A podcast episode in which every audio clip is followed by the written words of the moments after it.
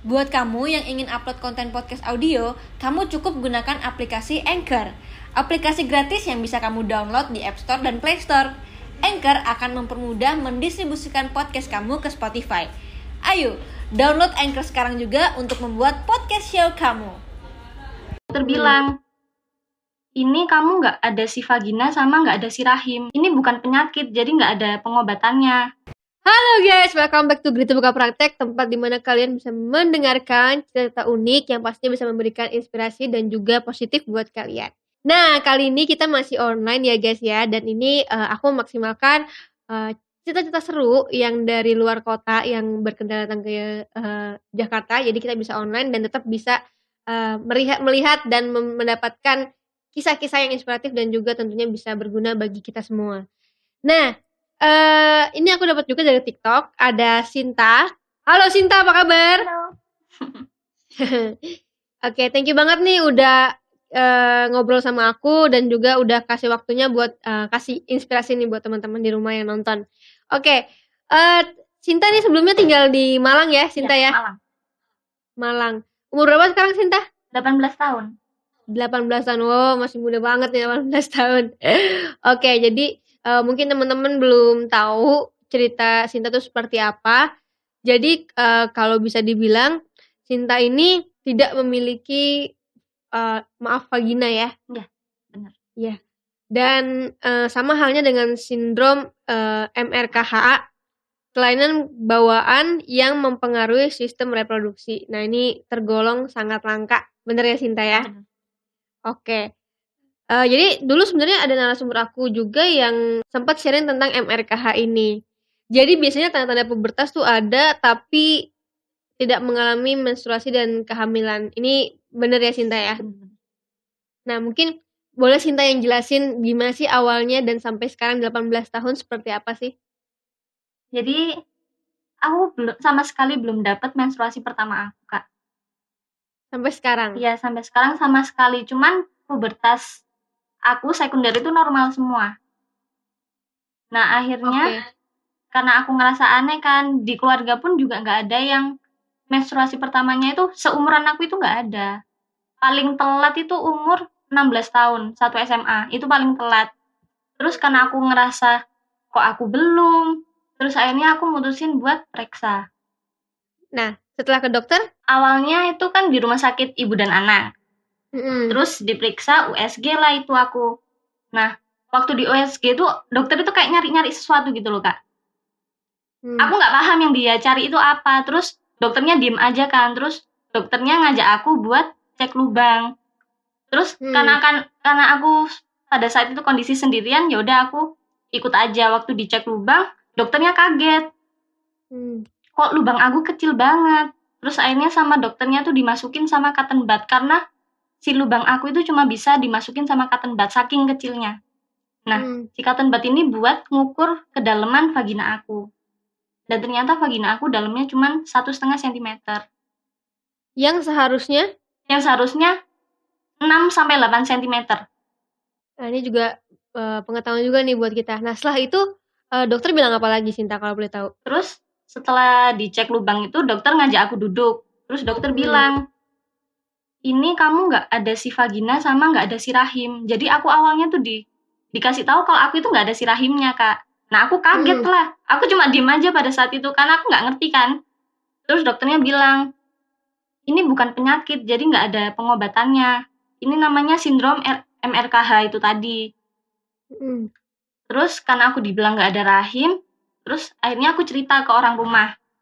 Terus sama orang rumah dibilangin gini, yaudah yuk coba kita cek lagi.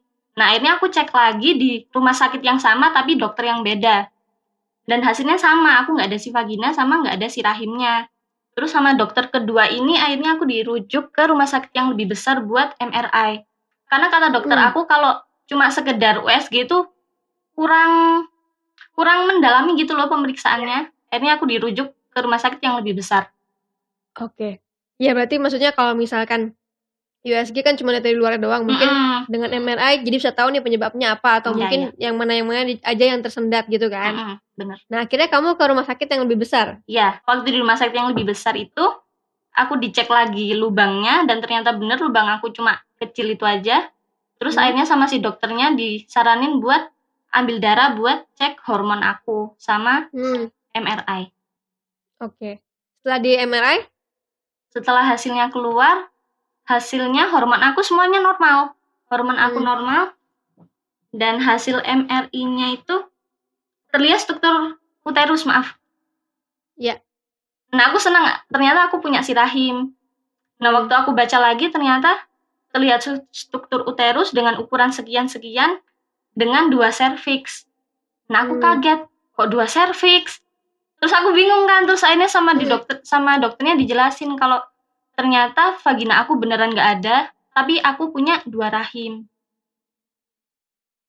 Oke. Berarti tadi aku simpulkan berarti waktu USG nggak kelihatan rahimnya gitu ya? Iya, nggak kelihatan. Kalau pas di MRI ternyata malah ada dua. Iya, kelihatan.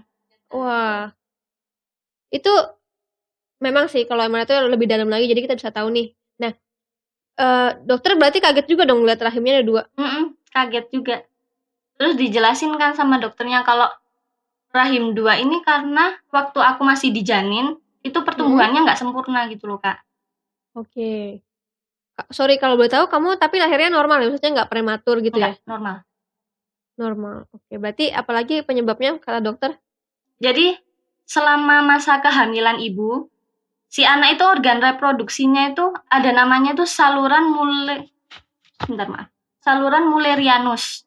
Hmm. Nah, saluran ini tuh cikal bakalnya organ reproduksi. Semua orang punya Hmm. saluran ini. Nah, Hmm. waktu saluran ini bertumbuh, itu aku itu bertumbuhnya nggak sempurna gitu loh kak. Nah itu Oke. nyebabin rahim aku ada dua.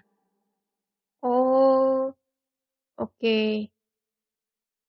Jadi benernya bentuknya semuanya awalnya tuh kayak ada dua ruangan gitu. Terus akhirnya kan ke atas akhirnya jadi cuma satu ruangan. Nah aku itu tetap dua ruangan gitu kak.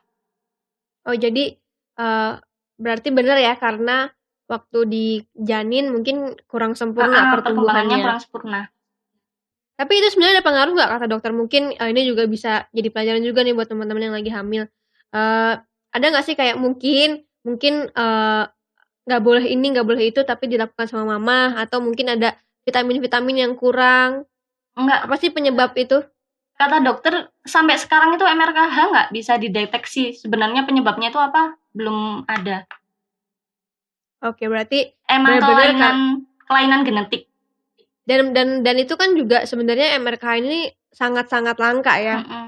Mungkin perbandingannya kamu tahu berapa? Satu banding lima ribu. Satu banding lima ribu itu kan berarti eh satu banding lima ribu Lukas. Jadi sedikit banget gitu. Eh Sinta kan ini MRKH menurut, yang aku baca eh, itu dengan ada MRK ini kemungkinan bisa mengganggu juga fungsi dari organ-organ lainnya. Nah, eh, kalau dari sendiri ada nggak sih eh, mungkin terganggu di fungsi ginjal atau fungsi jantungnya? Enggak, selain organ reproduksi aku nggak ada, alhamdulillah. Alhamdulillah berarti semua aman ya. Udah Aman. dicek semua kan ya berarti Sudah. MRI itu waktu itu kan dicek semua ya. Iya. Oke Sinta, waktu divonis sama dokter kan eh, artinya kamu sudah divonis nih MRKH. Tapi eh, ada nggak sih kayak terapi-terapi yang bisa kamu jalanin? Ada terapi buat si vaginanya. Oke, jadi itu kegunaannya untuk apa? Nanti kan aku nggak adanya itu kan struktur vaginanya kan kak. Di dalamnya itu aku bener-bener nggak ada jalannya. Nah nanti waktu mau nikah itu bakal dioperasi. Jadi Mm-mm. kayak dibuatin jalan gitu, terus nanti dimasukin alat dilator buat nahan Hmm. biar terbentuklah jalan si vagina ini. Oke. Jadi ini tujuannya untuk menenangkan otot dan juga eh, membuat saluran buat si vagina, inilah ya. Iya benar. Oke. Dan ini juga katanya bentuknya silikon dan ada ukuran-ukurannya juga ya. Iya, Kamu udah pelajarin juga ya? udah udah. jadi Oke. awalnya kayak kecil gitu cuma sesenti terus nambah nambah jadi sampai besar seukuran maaf alat kelamin cowok. Nanti segede Oke. itu. Ketika sudah operasi itu nantinya itu tetap nggak bisa eh, menstruasi? Bisa karena aku masih masih punya ovarium. Oke, berarti masih bisa ya. Ya masih bisa. Eh Sinta, kalau boleh tahu eh waktu kejadian itu berarti baru baru baru ini ya, 18 Iya, tahun ya? baru-baru ini. Iya. Baru ke dokter berarti baru-baru ini ya? Ya habis lebaran kemarin itu. Wah, baru banget dong. Iya baru banget. Oke. sebagai anak muda nih SMA ya sekarang. SMA terus akhirnya uh, tahu bahwa bahwa punya uh, maaf kelainan seperti itu uh, cinta gimana? Agak kaget ya kak, kok aku mikirnya tuh kok apa ya, kok bisa gitu loh ada kelainan kayak gini. Apalagi aku cewek kan, aku nggak bisa ngerasain kayak cewek-cewek lainnya yang mens dengan normal. Itu kayak kayak kecewa banget gitu aku pada saat itu kayak merasa minder juga karena aku nggak bakal bisa relate sama mereka kecuali nanti kalau udah dibikinin jalan kamu boleh cerita, kamu boleh cerita gimana apa kamu uh, akhirnya berdamai dengan ini semua jadi kan aku benernya mikir menstruasi soal menstruasi ini kan dari awal masuk SMA aku umur 16 hmm. tahun hmm. nah selama tiga tahun itu tuh aku kan pasti ba ba banyak omongan dari orang-orang gitu loh kak hmm. nah waktu akhirnya aku tahu kalau aku ada masalah sama organ reproduksi aku itu itu aku benernya agak sedikit lega gitu loh. Jadi aku bisa ngebuktiin ke orang-orang gitu kalau sebenarnya yang masalahnya itu bukan gara-gara aku emang karena dari sananya.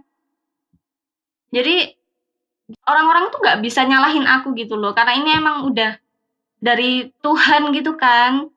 Jadi ya gitu. Oke okay.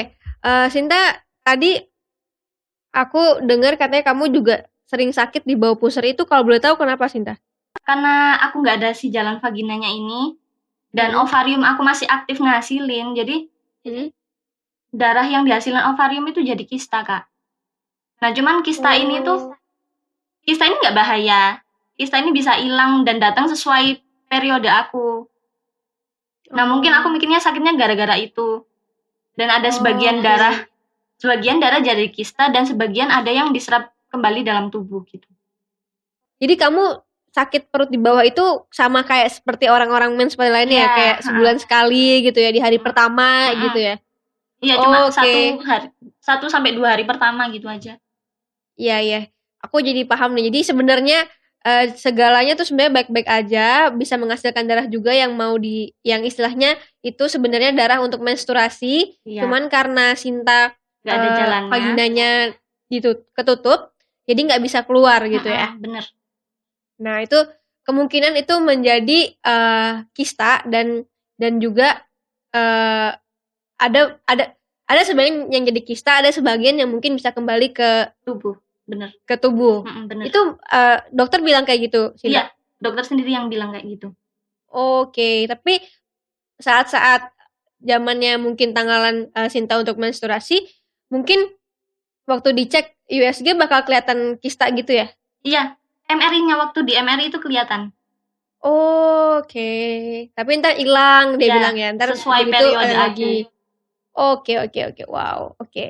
oke. Okay. Uh, eh, thank you banget Cinta udah sharing-sharing dan juga semoga uh, lancar juga. Nanti pastikan akan operasi juga dan akan ya. dibuat ganjarannya. Semoga lancar dan Amin. semoga bisa kembali seperti normal sama seperti wanita-wanita lainnya dan juga bisa uh, semuanya lah bisa menstruasi, bisa uh-huh. punya anak juga dari situ uh-huh. dan juga semoga Sinta uh, kuat sekarang udah 18 tahun, ber 18 tahun sudah bisa dewasa untuk uh, ngalamin ini gitu. Soalnya kan banyak juga mungkin teman-teman yang uh, di tengah masalah malah jadi terpuruk tapi Sinta yakin banget bahwa setiap masalah juga ada jalan keluarnya dan dan mungkin dokter udah kasih harapan juga nanti kalau mau nikah bisa dibuatin jalur juga.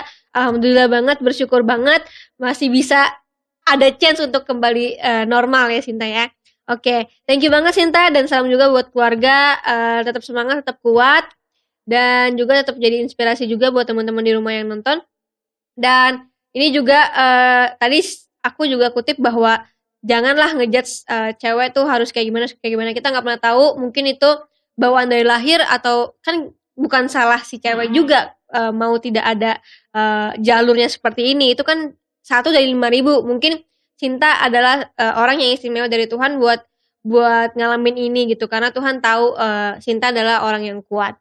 Cinta thank you banget Okay. Thank you banget dan teman-teman, makasih banget nonton video ini dan juga sudah mendengarkan sharing dari Sinta. Semoga bermanfaat dan juga uh, bisa bisa menambah informasi buat teman-teman di rumah yang nonton khususnya para cewek nih. Oke, okay? uh, eh, sampai ketemu di video berikutnya. Dadah.